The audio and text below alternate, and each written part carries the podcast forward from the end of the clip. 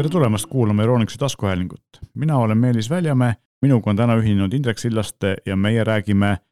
seekord põhiliselt eh, suuremast kogusest Apple'i uudistest ning seejärel vaatame üle ka mõned teised uudised, mis puudutavad näiteks Fitbiti uusi spordikellasid ja ka mõningaid suuremaid küberrünnakuid või, või selliseid asju, mida me peaksime teadma ja milles me, kus me peaksime oma paroolid ära vahetama. alustame võib-olla sellest, et eh, selle hilissuve või, või varasügise oodatum äh, tehnikasündmus peale IFA messi, mis kohe-kohe Berliinis algab, on kindlasti Apple'i iga hilissuvine äh, iPhone'i üritus või noh, võib siis iPhone'i ürituseks nimetada, sest et iPhone on selle põhiline täht, eks ole, ja ilmselt nad näitavad ka muid asju, aga, aga seitsmendal septembril see aset leiab, nii et palju pole enam jäänud. põhiline asi, mida seal ilmselt me näeme, on siis uued iPhone'i mudelid. sel aastal kuulujuttude järgi, kuna ametlikku infot meil veel ei ole, on iPhone'i mudelite valikus oodata päris suurt äh, muudatust ja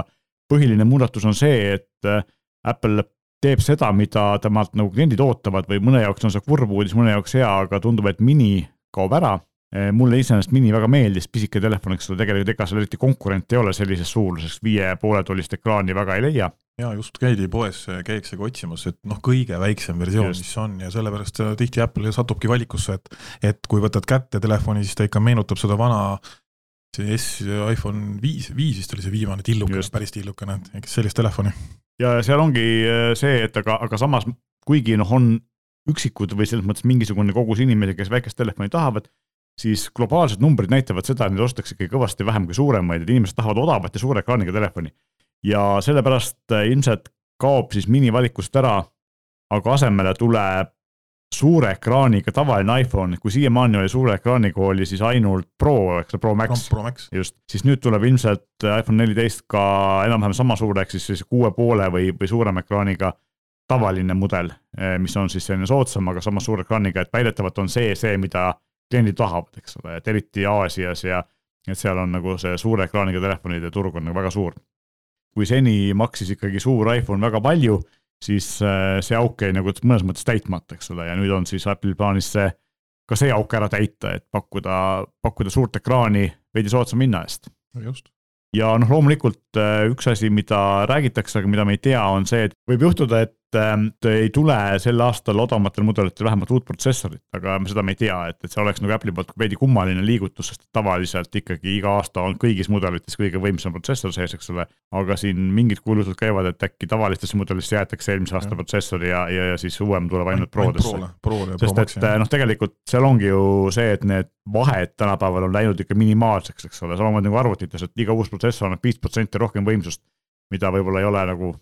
tegelikult väga tarvis ja eriti arvestades, kui võimsad on iPhone'i protsessorid, siis ega me tegelikult seda võimsust mitte kunagi ära ei tarbi. kuigi kirjade järgi on ju tavaliselt neil see, et nelikümmend protsenti võimsam kui eelmine aasta. ega sa ei tunneta seda, eks. see on nendes, nendes äärejuhtumites, kus vahe leidmine on juba nii keeruliseks läinud, et, et nad on nii lihtsalt kiired, mõnusad, sujuvad, aga, aga noh, sa pead ju näitama ikkagi uuel aastal uut, uut numbrit, et, et sul oleks klientuuri taga. just,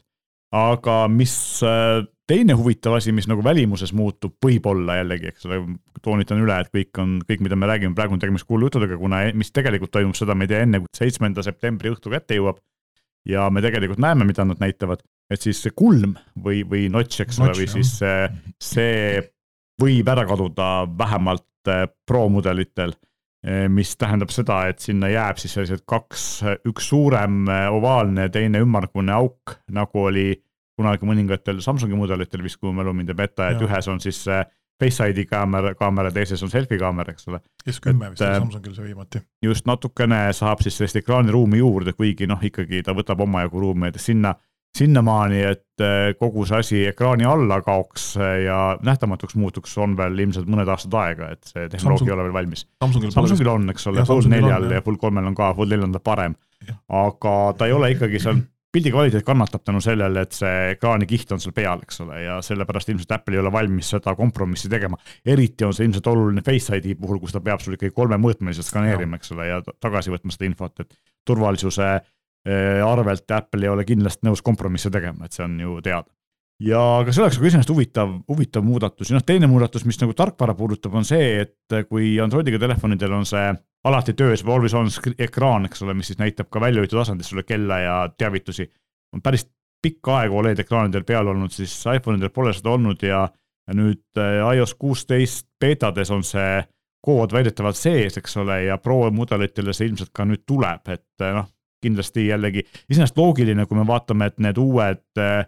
lukuekraani vidinad, mis iOS kuueteistkümnes sees on, et need töötaksid väga hästi ka lukuekraani peal, näitavad sulle ilma ja muid selliseid asju, eks ole, see töötaks väga hästi koos, aga eks me siis näe, kas see kuulujutt ka päriselt äh, tõeks saab. aga võib-olla teine huvitav asi, mis, äh, mis on ilmselt tulemas, sest väga palju sellest räägitakse, on ikkagi siis äh, uus, suurem ja sportlikum Apple Watch et Samsung just tegi, eks ole, oma Galaxy Watch Pro, mis on selline Karmini, noh, näed, Indrekul on käe peal. Karmini konkurent, eks ole, kui kaua see kokku kestab sellel, kaks päeva saad? ei, ei, ei, nüüd on ikka neli pluss. ahah, niimoodi lausa? ja ma tegelikult selle, eile õhtul oli mul neljas päev tele, kell käe peal. Äh, eile õhtul siis ja kakskümmend, kakskümmend üks protsenti oli veel järgi, aga panin õhtul lihtsalt laadima, et, et lihtsalt hoiaks siis nii-öelda voolu taga, et aga nüüd, et täitsa oma katsetusega järgi on siis kõik need keeramised, äh, pulsi teatud aja tagant lugemine, mitte pidev. Ja ma ei mäleta, mis selles andurites seal veel on, enamus on mul on peal igatahes ja, ja tõesti neli, neli päeva kestis järjest, neli ööd ja päeva, siis mul on kell ka öösel käe peal, just nii-öelda proovimise pärast. öösel on ta küll nii-öelda unerežiimis, ehk siis ta noh, nagu, et mind otseselt, kui keerad käe näo alla, siis ta sulle lähi läheks heledaks, aga, aga töötab jah, ja võrreldes eelmise kellaga siis, mis oli põhimõtteliselt punkti pealt kaks päeva, siis praegult on, mina olen saanud neli koma päeva need kätte juba. okei okay., mina proovisin seda Galaxy Watch nelja tavalist, eks ole, eelmist mudelit ja mina sain sellega niimoodi noh, natuke üle päeva. aga jah, et ja Karmini kell, mis mul praegu käe peal on, kestab ka umbes neli-viis päeva, eks ole, sama palju kui siis see Samsung kell aga miks me sellest rääkisime, on siis see, et tulles tagasi Apple'i teema juurde, on see, et äh, räägitakse ikkagi juba väga pikalt sellest, et Apple toob ka turule sellise nii-öelda spordifännidele mõeldud kella mis peaks siis Karmini või siis seesama Samsung kella konkureerima, mis on Samsungi esimene selline tõsiselt nagu pika kestusajaga ja, ja päriselt nagu spordi, tõsistele spordiinimestele mõeldud kell, et noh, ilmselt eh, Karmin ja, ja Suunto ja sellised jäävad ikkagi veel nagu sellist väga tõsise sporditegijatele ikkagi lemmikuks, aga äh, Apple kindlasti sinnapoole üritab minna ja noh, loomulikult, mida räägitakse, on see, et äh, suurem ekraan, titaanist korpus, safiirklaas loomulikult, eks ole, ja kõik sellised asjad, mida mida siis üks, üks tugev kell peaks nagu omama. ja mis tarkvara puudutab, siis noh, see ei ole üllatus, et tegelikult äh, WatchOS üheksa, kui mu mälu mind ei peta, on siis see uus, mille beeta praegu olemas on ja mida nad siis nagu lõppversiooni tavaliselt siin selle ürituse ajal avald-, avalikustavad. seal on ju väga palju erinevaid selliseid väga edasijõudnud spordifunktsioone, mis nagu päris tõsiselt ikkagi Karminile suuntole kandadele astuvad. nii et noh, näha on, et nad võtavad seda turgu nüüd järjest tõsisemalt ja, ja nende soov on ka sealt tükk ära hammustada nii-öelda ja ilmselt päris huvitav saab olema näha, kuidas see neil õnnestub, et väga põnev igal juhul, et selline spordikella konkurents läheb tugevamaks, et kui siiamaani oli siis nagu põhimõtteliselt valida, kas sa võtad kauakestva akuga spordikella või võtad kõvasti targema, aga vähem kestva akuga nutikella Samsungi või Apple'i siis praegu nüüd tundub, et need nutikellatootjad lähevad järjest sportlikumaks, samamoodi tegelikult ka spordikellad lähevad järjest nutikamaks. nutikamaks just, jah. et Karmini kellad ikka lähevad nagu järjest nutikamaks, kuigi nende rõhk on siiski jätkuvalt veel spordifunktsioonidel, eks ole, ja, ja aku kestvusel. aga väga huvitav ja mida me ei näe, noh, mida me kindlasti tõenäoliselt selles, sellel üritusel ei näe, on arvutid, eks ole, et ilmselt me ei näe seal ei uut Mac Prod ega ka uusi MacBook Prosid, mida näidatakse meile kas hiljem, sest tavaliselt Apple teeb eraldi veel arvutite üritus enne aasta lõppu, et, et eks me siis seda näeme, aga, aga see konkreetne seitsmenda septembri esitlus on, on ikkagi puhtalt, eh, ma Kellad. eeldan ja usun, kellad ja telefonid, eks ole, et, et see on eh, tegelikult ka Apple'i põhimüügiasi, mida võib veel tulla, millest kohati räägitakse ja kohati jälle ei räägita, et see on nagu segane. Ja me ei tea, on see, et kas tulevad uued AirPods Prod. Ja, ja kui tulevad, siis väidetavalt võivad tulla ka siis sellised äh, kui siiamaani on Apple'i klappide selliseks eristuvaks osaks on siis selline varas, eks ole, eks, kus, kus mikrofonid on, mis kõrvast välja ulatub, siis väidetavalt uued Prod võivad tulla ilma selleta, ehk siis hakkavad nägema välja rohkem nagu konkurentide klapid. et äh, mis eeldab ka siis seda, et kui mikker on kaugemal, siis noh, Apple on ilmselt meister selle poolest, nad teevad siis mingisugused tarkvara algoritmid, mis selle heli sealt, mikrofoni heli sealt või siis kõne äh, piisavalt hästi kinni püüda, püüab, eks ole, mikrofoni kaudu, nii et ähm, eks me näeme seda Apple'il volditavast telefonist pole midagi kuulda olnud? no kindlasti on neid laboreid täis neid prototüüpe, aga ma usun, et me oleme aasta, võib-olla isegi paari kaugusel sellest, et nad ikka üritavad teha niimoodi, et see tehnoloogia oleks nagu päris täiuslik ja ma kujutan ette, et Samsung ja LG ja kes siin ekraane toodavad poe, eks ole, Hiina suur ekraanitootjad, ilmselt eh, kõige ägedamad prototüübid, uued ekraanid jõuavad kindlasti kohe ka Apple'i laboritesse ja, ja kõik tahavad ju seda Apple'it eh, kui suurt klienti enda, enda ekraane ostma, eks ole, et kindlasti see, see arendus käib, aga, aga nad kindlasti ei tee seda enne, kui, kui seal ehm, on saavutatud mingisugune küpsus nii-öelda, et, et lapse haigused on välja ravitud ja ja siis sellised eksperimendid on ära tehtud ja siis Apple teeb mingi asja, mis on teistest parem, nagu nad tavaliselt kipuvad tegema, eks. paari aasta pärast tuleb suur uudis, volditav telefon. Apple leiutas jah, just täiesti uus seade. jah, nagu, nagu Apple leiutab kõik teised asjad, mis ammu olemas on. aga võib-olla siis räägime ka sellest, et mida veel Apple leiutas, mis teistel olemas on, on see, et äh, iOS-i kipuvad tulema reklaamid ja reklaamid ründavad meid praegu nagu igal pool, et Netflix teeb odavama reklaamidega paketi, eks ole, ja ja Samsung on näidanud kohati päris nagu tüütuid reklaame oma, Samsung näitab tavaliselt mitte siis nagu mingite kolmandate asjade reklaame, vaid näitab tavaliselt oma seadmete reklaame, et kui sa oled ostnud omale uue telefoni, siis ta ütleb sulle mingil hetkel kuskil Samsung äpis, et kuule, et telefon on, aga sa kella ei taha. et äh, natukene tüütu ja iPhone, väidetavalt see Apple toob ka iPhone'i reklaamid ja esimene koht, kus reklaame me näeme, on Maps, mis on minu arust kõige loogilisem koht, sest noh, kes kasutab Google Maps'i, teab, et Google Maps on nagu ongi reklaami täis, eks ole. aga, ja, ja Maps on ka kõige loogilisem koht, kus reklaami näidata, sest et eh, noh, kui ikkagi mõni restoran tahab olla esile tõstetud, siis ja kui see on piisavalt hästi ära ähm,, ära eristatud, et see on reklaam, eks ole, siis tegelikult see ei olegi võib-olla halb. et äh, aga palju parem variant kui see, kui see reklaam oleks kuskil mingisuguses äh, galerii äpis, et kuule, et siin on mingi uus fototöötlustarkvara, eks ole, või midagi sellist, kuigi teine koht, kus tegelikult eh, ka Google Play hästi palju reklaame näitab ja tegelikult ka Apple eh, nii-öelda maksuliselt või raha eest esile tõstab, ongi siis äpipoed, eks ole, et seal sel-, on selge see, et kui mõni arendaja tahab ennast esile tõstetud saada, siis ta peab selle eest ka maksma ja see siis toimub, eks ole, et see on niisugune veidi nähtamatum liigutamine kui, kui siis selline päris Maps'is või mõnes muus äpis olev reklaam, eks ole, aga see toimub kogu aeg. Aga kui paljud ei tea, need Apple'i kasutajad üldse kasutavad seda Apple'i oma Maps'i? Või ongi reaalselt kasutavad seda ja Google Maps'i ei kasuta, sest noh, ta näitab ju reklaami ikkagi oma selles, oma Apple'i Maps'i rakenduses. suhteliselt palju, eriti USA-s, sellepärast et seal on äh, Apple Maps suhteliselt hea viimasel ajal. Ja teine asi on muidugi see, mis on nagu Apple'i eelis või mis on Apple'i jaoks hea, aga võib-olla kasutaja jaoks mitte niivõrd, on see, et äh, Apple teatavasti ei lase ju lihtsalt või mõnes, mõningatel puhtul üldse muuta vaikimisi äppe. Ja kui sul ikkagi on kuskil link aadressiga meilis või, või sõnumis ja selle avad, siis avab vaikimisi Apple Maps'is. ja sa ei saa sellest üle ega ümber ja, ja sellepärast inimesed kasutavad Apple Maps'i palju isegi siis, kui nad seda teha ei taha Neil ei jää muud üle.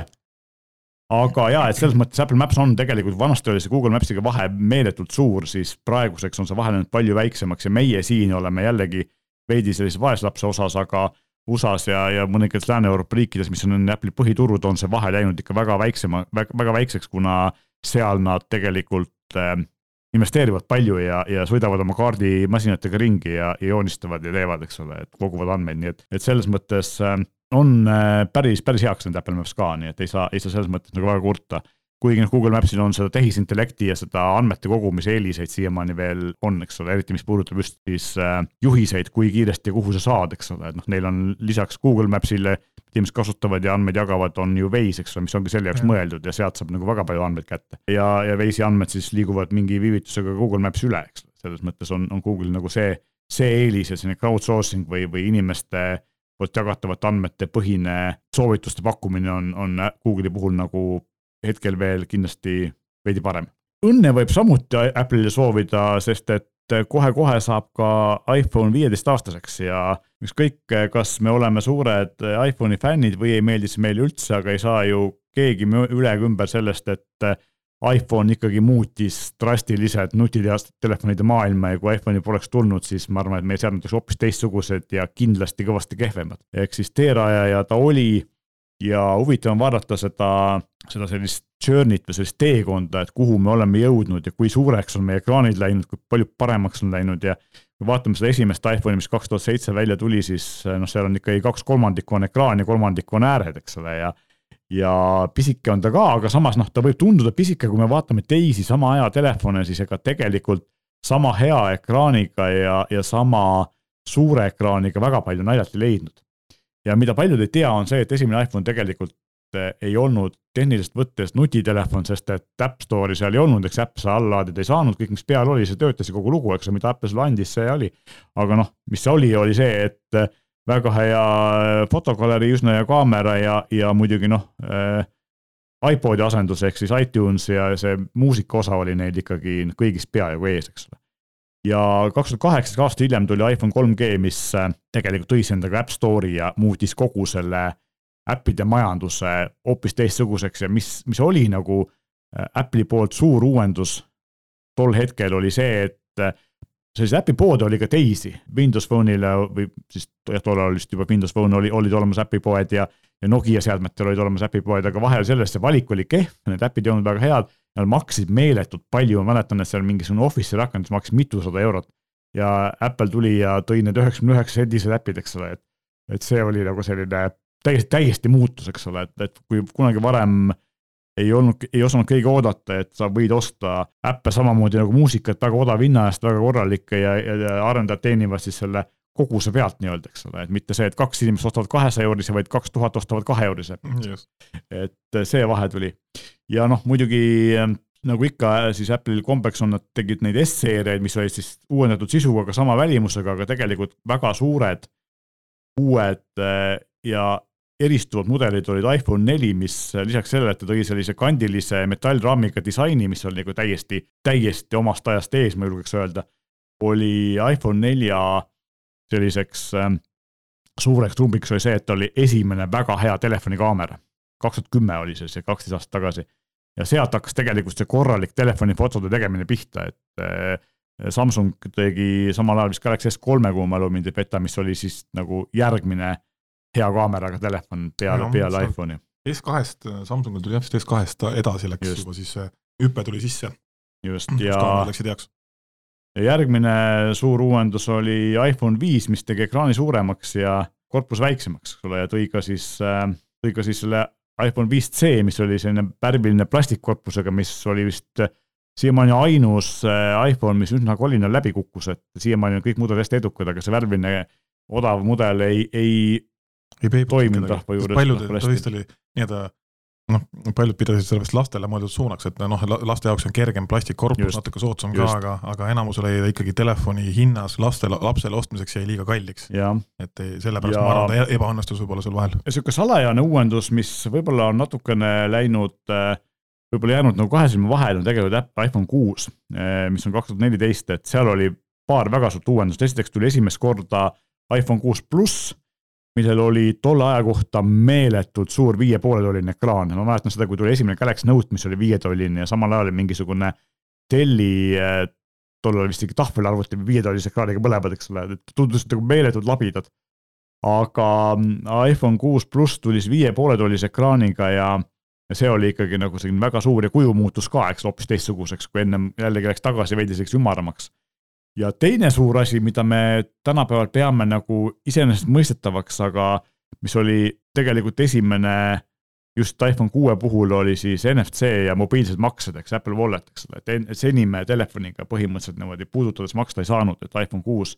ja kaks tuhat neliteist oli siis see aeg, kui, kui see tuli massidesse. kaks tuhat kuusteist oli ka, oli ka siis see aeg, kui tuli äh, soodne ja hea telefon, kui ennem rääkisime iPhone 5C-st, siis see nagu ei olnud väga edukas aga kaks tuhat kuusteist tuli iPhone SE, mis oli siis iPhone viie korpuses teine sisu, eks ole. ja see oli ikkagi nagu väga edukas, kuna kolmsada üheksakümmend üheksa dollarit hinna eest eh, noh, midagi sellist polnud nagu Apple'i maailmas varem nähtud, eks ole, et see, see oli väga-väga-väga edukas ja ja iPhone SE on siiamaani, eks ole, müügis ja, ja see oli soodsate väikeste telefonide ilmselt eh, ikkagi etalon, eks ole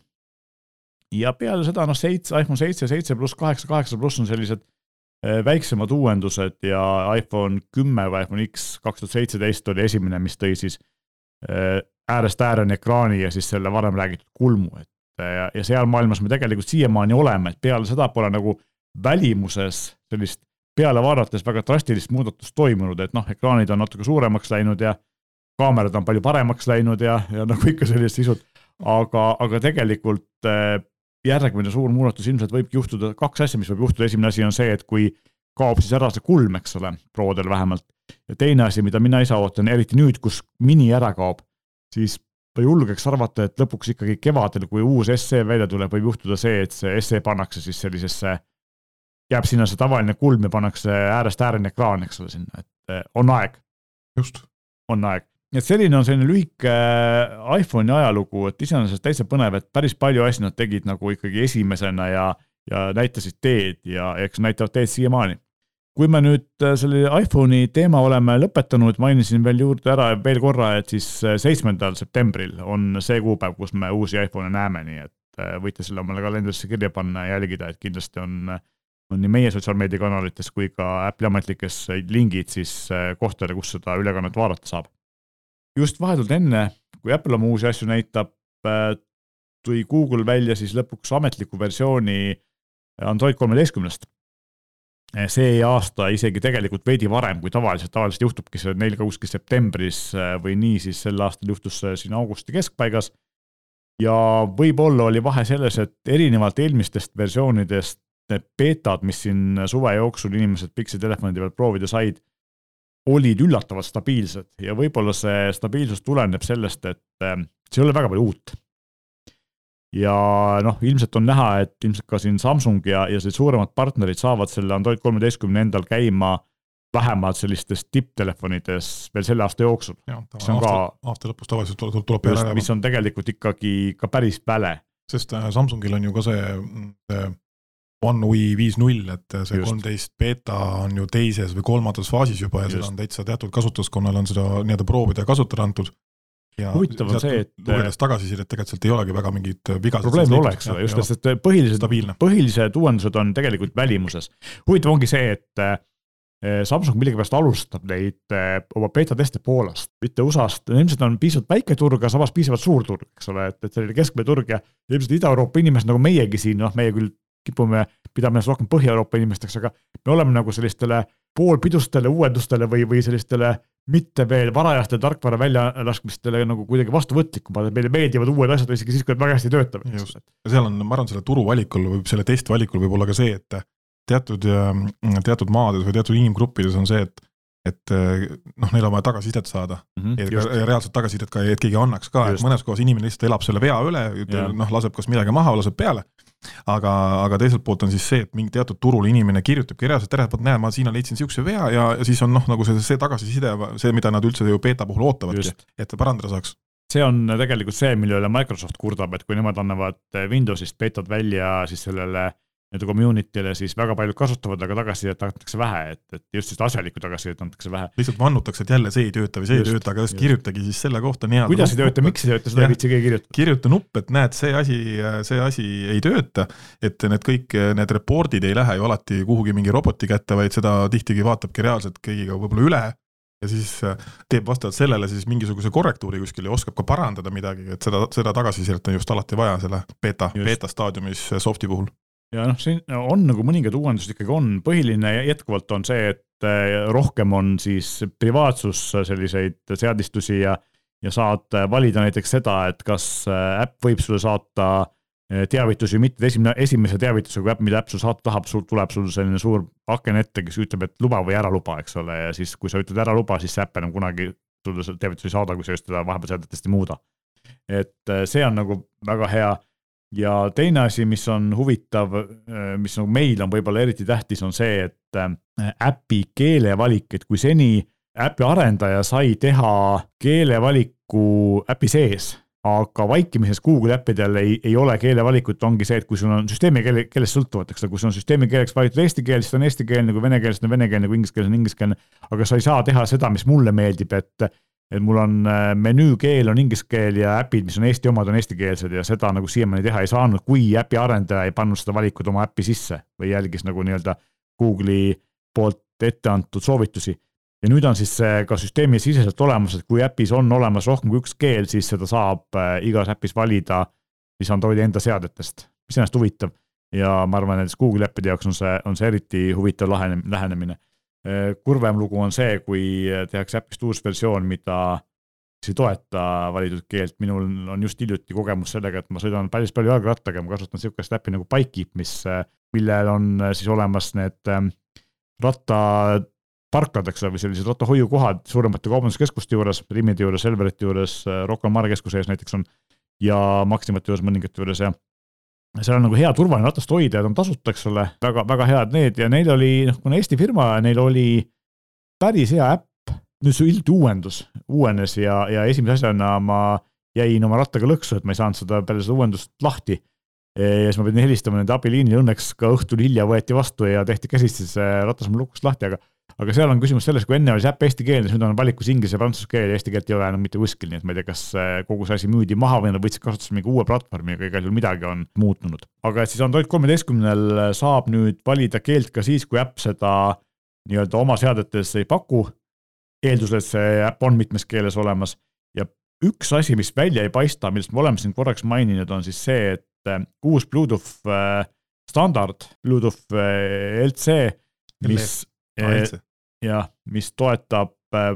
paremat helikvaliteeti, toetab mitmeid seadmeid ja, ja nii edasi, et äh, siin klappe, mis seda toetavad, on juba turul olemas, aga see, klapid ei saa seda toetada enne, kui ka seade toetab, eks ole. -hmm., Android kolmeteistkümnel on siis see seade, see võimalus olemas ja ma ei ole küll kindel, aga ma usun, et ilmselt ka iOS kuueteistkümnes, ehk siis nüüd sügisel välja tulevate operatsioonisüsteemidega saab seda uut Bluetooth standardit ära kasutada. Eh, seal on päris mitmeid eeliseid, põhiline on ikkagi see, et heli kvaliteet on läinud märgatavalt paremaks ja, ja lisaks siis see, eks ole, et mitu seadet on korraga toetatud ja, ja muud sellised uuendused. mingeid muid suuri nagu selliseid väljapaistvaid muudatusi Android kolmeteistkümnes ei ole, aga noh, päris palju on tehtud selliseid pisikesi välimuse muudatusi, mida ikka kiputakse tegema ja tehakse natukene nii-öelda mugavamaks kasutamine, eks ole. jah, just seda tegelikult tihti tahadki, et sa ei taha sa ei taha, et äh, su opsüsteemis või sihukeses nagu harjumuspärases süsteemis midagi muutuks täitsa teistsuguseks, mida sa pead uuesti ringi õppima hakkama, aga ta lihtsalt näeks sihuke ilusam, sihuke modernsem, sihuke lihtsalt nagu natuke fancy näeks välja, aga kõik töötaks samamoodi nagu ennem. täpselt. sihuke kõige, kõige parem asi on see, et lihtsalt oleks ilus, aga samasugune nagu enne. et see ongi, see on tegelikult kõigi nende suurte tootjate puhul, noh, Google'i, Apple'i, Microsofti puhul on see probleem, et nad ei saa teha väga ägedaid radikaalseid muudatusi, kuna see tekitab inimestes segadust ja siis nad peavad nagu väga niimoodi tagasihoidlikult jupikaupa asju muutma. mäletan, kui tuli iOS seitse, see oli hoopis teistsugune kui kuus ja siis sellest oli väga palju vaadikat. ümber õppima hakkama. oo jaa, et aga kohe see väga palju ei muutunud, lihtsalt natuke muutusid närvid, ikoonide asukohad ja juba oli palju probleeme, eks ole. aga kui me rääkisime ennem siin Apple Watchist ja, ja Samsung uuest kellast ja sellest, kuidas nemad üritavad nagu teha järjest sportlikumaid spordikelli siis üks esimesi või selliseid suuri, mitte võib-olla spordi, aga siis fitnessi või sellise heaolukellade eh, tootja Fitbit eh, tõi välja kolm uut eh, mudelit, nendest kaks on kellad, üks on aktiivsusmonitor ja ja tegelikult ei ole mitte ükski nendest mudelitest päris nagu selles mõttes uus, et uut nime me ei näinud, vaid on siis Sense kaks, Versa neli, Inspire kolm ehk siis kaks, kolm, neli. Mhm. aga, aga iseenesest Sense on tegelikult ju ka eelmine mudel oli selline hästi palju, noh, see Sense nimi ütleb ka seda, on hästi palju sensoreid, eks andureid, mis jälgivad su und ja, ja, ja ja muid äh, nende elukvaliteeti ja üritavad siis anda sulle selle põhjal juhiseid ja Versa on nagu teada selline, selline soodsa hinnaga spordikell, mida saab kasutada esimene, Fitbiti esimene GPS-iga kell, eks ole, saab kasutada siis äh, sellisteks lihtsamateks trennideks, kus sul Karminit või, või mõnda sellist kallimat kella veel vaja ei ole. sellist üleüldist liikumist lihtsalt jälgib sihuke asi, et kui sa, kui sind ei huvita sihuke põhjalikkus, aga sa tahaksid näha, et ta sihukest nagu basic ud asju kõiki näitaks. lihtsalt siis, kui me juba räägime spordist, siis spordirežiim on nüüd nelikümmend, et äh, siin on mitu erinevat asja on juurde pandud, sealhulgas hiit ja, ja jõutrenn ja tants tea, kui palju sa tantsu jälgid, aga, aga võib-olla tõesti. nüüd saad jälg-, nüüd saad vaadata. Lähed ööklubisse, paned kella tööle, et ma nüüd tantsin. kuna ta tunneb ju liikumise pealt, tunnevad kellad väga hästi ära, mida sa teed pärast ja siis eh, nüüd on tantsimise puhul ta saab aru, mida sa tantsid ja kuidas sa tantsid. et kas sa tantsid õigesti või tantsid valesti või oskab äkki sulle juhenduse pakkuda. tantsujuhendaja käe peal andmeb. tantsupartner on käe peal nüüd. just, aga mis on nagu võib-olla veel huvitavam lisaks on see, et eh, nad on lisanud ka eh, füüsilisi nuppe,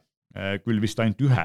kui seni Fitbiti kelladel füüsilisi nuppe ei olnud, et Samsungil on tavaliselt vist kaks ja Garminil on kaks või kolm, sõltub mudelist ja siis nendel pärisspordikelladel ongi ainult füüsilised nupud, kuigi nüüd on tekkinud puuteekraan ka juurde. ja Apple'il on teatavasti siis poolteist, ehk siis tegelikult üks nupp, mis töötab ka siis selle nii-öelda digital, digital crown, see digitaalne kroon, eks ole, mis, mida saab siis keerata. et, et sellepärast on poolteist, et nupp pluss keeratav variant mis on tegelikult ühes, ühes nupus koos, aga siis äh, Fitbit on ka nüüd pannud siis ühe füüsilise nupu, mida saab pajutada erinevate funktsioonide jaoks. Ja, ja põhiasi, mis on nagu muutunud, on see, kui teatavasti Google on ju pikemat aega üritanud Fitbiti ära osta, eks tegelikult ta ongi seda tegemas, aga see protsess on pikk, sellepärast et mõlemad on nii suured firmad, et see on kuskil nii-öelda erinevate ametkondade juures kinni, et nad kaaluvad, kas lubatakse või lubata. Ja noh, tundub, et siiski mingil hetkel see luba tuleb ja Google muidugi seda ei oota ja teeb siin Fitbitiga kõvasti koostööd. esimene asi, mis tuleb, on see, et kas siis Fitbit Pay asemele või selle kõrvale tuleb ka Google Wallet või, või Google Pay, noh praegu see uue nimega Google Wallet, Wallet. Ehm, mis tähendab siis seda, et kui sul on Google Wallet telefonis, siis sa saad põhimõtteliselt ühe sama seadistusega maksta ka kellas, et sa ei pea enam ja no Fitbit Pay'l on teatavasti samamoodi nagu Garmin Pay'l, et ta eh, on virtuaalne puutekaart, mis tähendab põhimõtteliselt seda, et sa, sul on seesama puutekaardile kehtestatud viiekümne eurone limiit, eks ole. suuremas summas sa maksta ei saa kellaga, siis Google, Google Walletis ja Apple Walletis saab, äh, seebikaardid lubavad saja viiekümne euro ulatuses. just, saab rohkem maksta, eks ole, põhimõtteliselt minu teada Äh, piiramatus summas lihtsalt sa pead vahepeal, kui sul suur summa läheb mingist hetkest suuremaks, sa pead panema oma PIN koodi, eks ole, või, või sõrmejäljega kinnitama või ühesõnaga. jaa, no tegelikult PIN kood on nagunii kellal peal, et kui sa oled ta käe pealt maha võtnud, siis Just. ta tihti PIN koodi ei küsi, kui oled korraks eemaldanud, siis aktiveerimiseks uuesti tahab PIN koodi saada jälle. ja kes on näiteks endale soetanud äh, Samsungi uue põlvkonna kella nüüd endale, siis ise maadlesin, mõned esimesed päevad maadlesin sellega, et Google Walletit külge ei saanud, ta ei Aha. lubanud kaarti lisada, otsisin interneti otsast lõpuni läbi, väga paljud olid sellega nii-öelda probleemi ees, et ei, ei, ei võtnudki kaarti omaks. ja tuli välja, et kui Google Pay muutus Google Walletiks, siis näiteks ka Watch neljal tekkis juba see probleem külge ja eelkõige Mastercardidega. aga nüüd kuskil kolm-neli päeva tagasi siis see muutus, et tulid kõik kaardid uuesti külge, et siin ka nii-öelda vennal ja paaril sõbral ka, kellel kellad on käe peal, et kõik said siis uuesti külge, et kes proovinud oli vahepeal, külge ei saanud, et ärge siis lootust kaotage, et et nüüd peaks uuesti kõik kaardid külge tagasi saama. tagasi Watch neljale ma sain kaardi ilusti külge, võib-olla see oli enne seda muutust. ma ennem oli mul samamoodi küljeski, oli Watch neljal ka, kui vahetasin ringi, siis esimesel päeval mõtlesin, no mis see nüüd on, et ei võtagi. ja, ja teisel päeval ka ei saanud, kolmandal ka ei saanud ja siis ma nii-öelda ma otsisin, otsisin, otsisin, nägin, et see on niisugune üleüldine probleem, et ütleme, suht palju juba räägiti sellest ja, aga eelkõige mainiti ära, et Mastercardida, kuna mul on noh, Mastercard oligi. no Eesti pangad enamasti pakuvad Mastercardi. seda küll ka ei saanud, et aga nüüd, nüüd on kõik korras. ja noh, teine asi, mis ongi siis see, et tegelikult seesama, mida sa mainisid, et, et see PIN-i küsimine Garminil ja Fitbitil on see peal, minu teada see käib niimoodi, et korra kahekümne nelja tunni jooksul küsitakse või peale seda, kui sa võtad andme pealt ära, et ta pulsimõõtja põhjal jälgib seda, kas ta on andmel või mitte ja siis küsib turvalisuse huvides koodi. seda enam, kui see kood on olemas, võiks tegelikult ju olla mingi linnuke ees, et jah, ma olen nõu-, tea, tean, et see on, ma ei tea, ise vastutan selle eest, et kui ma suurema summa keegi, kellega maksab, siis äh, mina ise olen süüdi, mitte tootja ei ole süüdi, eks ole, et võiks seda summa, summa suurendada. ja ma ei tea, kas see oli kokkusattumus või mis, aga, aga äh, mul oli proovida võimalik siin ka Watch viiega siis äh,, Samsungi Galaxy Watch viiega äh,, et tal oli nii, et andsin kella teise inimese käe peale ja panin pinni sinna sisse, käe peal oli kell iga kord, kui ta keeras kella nii-öelda ekraani pimedaks, keeras tagasi, küsis uuesti PIN-i. tunne, ta, ta nagu tunneks omaniku käe ära ja võõra käe peal küsib iga kord, kui keerad, küsis kogu aeg PIN-i. et ma ei tea, kas ta siis nüüd tõesti siis äh, kuidagi jätab selle nii-öelda käe seal meelde või oli see mingisugune kokkusattumus, panin enda käe peale, võtad, keerad kell aktiivseks, noh, ühe korra on PIN sisestatud, kõik oli korras, kell töötab, sinnamaani kui uuesti käe pealt eemaldad aga teise käe peal oli see, et jah, iga kord, kui keeras, küsis kogu aeg PIN-i, et nagu aktiveerisid, kas ta nagu tunneb või ei tunne kella käe ära väga huvitav, äh, iseenesest äh, teine asi, kui me Fitbitist veel siin natuke räägime, siis on see, et Google'i siis lisaks sellele, et Google Pay tuleb, tuleb ka Fitbiti kelladel Google Maps, mis on esimene kord, millele kui Fitbiti kelladel on kaardirakendus. iseenesest loogiline, et Google tahab oma teenuseid järjest rohkem sinna panna, kui nad nagu seal nii-öelda abielus on selle omavahel. ja teine asi, mis tuleb äh, või mis on huvitav, on see, et menüü või siis see kasutajaliides muutub järjest rohkem VROS-i sarnaseks ehk Google'i, väga Google'ilikuks, mis on võib-olla hea, sest Fitboti see kasutajaliidus oli väga sihuke basic või selline hästi-hästi tavapärane, hästi-hästi lihtne, võib-olla natuke liiga lihtne, eks ole, et et vähe oli seal asju ja nüüd tuleb siis äh, ka sinna uuendusi. ja kolmas või kõige väiksem asi on siis äh, Fitbit Inspire aktiivsusmonitor, mis sihuke saja eurone aktiivsusmonitor, mis meenutab mulle väga Xiaomi oma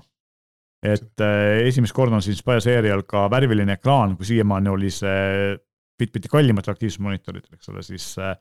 GPS-i küll ei ole, aga mis on, on SPO2 ehk siis verehapnikusisalduse sensor, äh, oluline uuendus. ja lisaks siis muidugi see, et Fitbit ütleb, et kuigi tal on selline suurem ja eredam ja värvilisem ekraan, siis aku kestab ikkagi kümme päeva, nii et noh, nagu aktiivsusmonitoridel kombeks, nendel aku kestvused on, on väga pikad. et sellised on äh, Fitbiti uued kellad, mis kohe-kohe peaksid ka meile saabuma, nii et neid võib tulla varsti poodi vaatama. täpselt kuupäevi meil veel ei ole, aga, aga ilmselt see aeg ei ole kaugel, siin paari nädala jooksul tõenäoliselt nad jõuavad. ja lõpetuseks äh, teeme ühe sellise avaliku teadaande järjekordselt, et äh, turvauudised. turvauudised jah, et olge palun ettevaatlikud, äh, kaks asja, et esiteks on see, et väga-väga palju on suu-, lisaks esiteks on see, et Eesti vastu tehakse palju küberrünnakuid, see on nagu, ei olegi selline uudis, aga teiseks on see, et hästi palju on ähm, erinevaid petuskeeme jätkuvalt ja sinna õnge langetakse väga palju, et kui teil ikkagi helistatakse öeldakse, et et teile helistatakse politseist või pangast või, või ma ei tea, maksuametist, siis äh, pigem ei tasu seda uskuda ja see kõne ära lõpetada ja siis vastavatel ametkondadel või firmadel tagasi helistada küsida, et kas te olete mulle helistanud. et kindlasti ei tasu kuskile anda oma paroole, salasõnu ja kasutajanimesid, e-, eriti kui äh, pangad ja, ja riigiametid ei küsi neid mitte kunagi, eks ole, see on selge. Telefonidel eriti veel. Te võite küll, teile võidakse küll öelda, et nüüd me autendime teid Smart-ID või mobiil-ID-ga, sel juhul te panete lihtsalt oma telefonisse selle koodi, see tuleb teile samamoodi nagu tavaliselt, eks ole aga telefoni teel mingit koodi öelda kuskile ükski eh, päris õige asutus ei, kunagi ei küsi, et see on kohe kahtlane ja,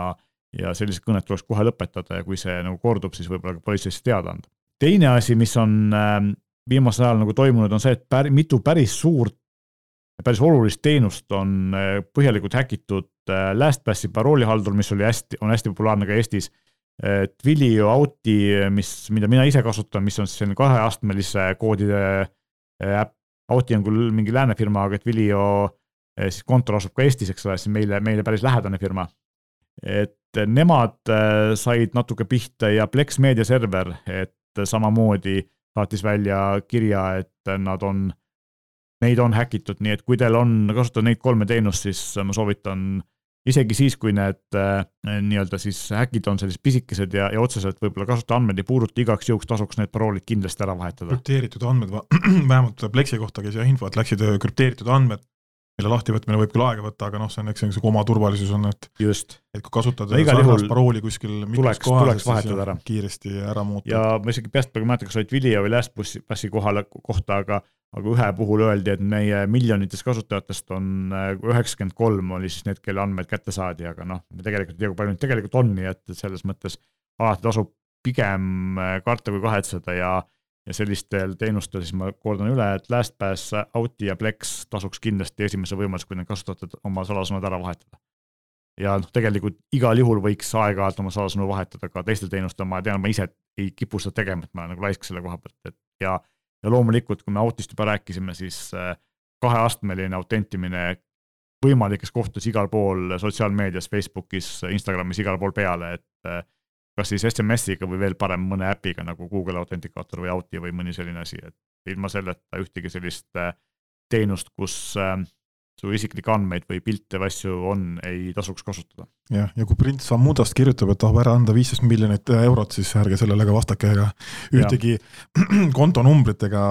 isikukoodi ärge vastu jumalast saatke. Nigeeria printse vist väga palju enam kirjutamas ei ole, et see, see on. Nad on loobunud juba. on mindud jah kavalamaid teid, et see, see liht-, kuigi seal väidetavalt töötas see päris hästi niimoodi, et nad kirjutasid meelega hästi vigases inglise keeles ja see oli see, et esimesed teadlikumad kasutajad kukkusid juba sellega ära, eks ole, sa oli teada, et need, kes nagu ei pannud tähele, et see oli vigade keel, need äh, jällegi tulid piisavalt head ohvrid, eks. aga, aga ühesõnaga, et hoidke oma seadmed ja, ja digitaalne elu turvalisena ja selle soovitusega me sellekohase saate kokku võtamegi. kohe-kohe on Berliinis algamas suur tehnikamess IFA kaks tuhat kaksteist, kaks tuhat kakskümmend kaks. kümme aastat möödas. ja, ja kindlasti me räägime Berliinist tulevatest põnevatest tehnikauudistest teile üsna palju ka siin saates ja, ja erinevates sotsiaalmeediakanalites meie omades, nii et äh, jälgige neid ja loomulikult, kui te tahate meile anda teada, mida me siin saates veel võiksime rääkida või mis teemadel nõu anda, siis palun kirjutage meile kas meie meiliaadressil saade.euroniks.ee või nende samade meie Instagrami ja Facebooki postituste alla, me kindlasti loeme need läbi ja võtame neid kõik arvesse. aga meie täname kuulamast. kena päeva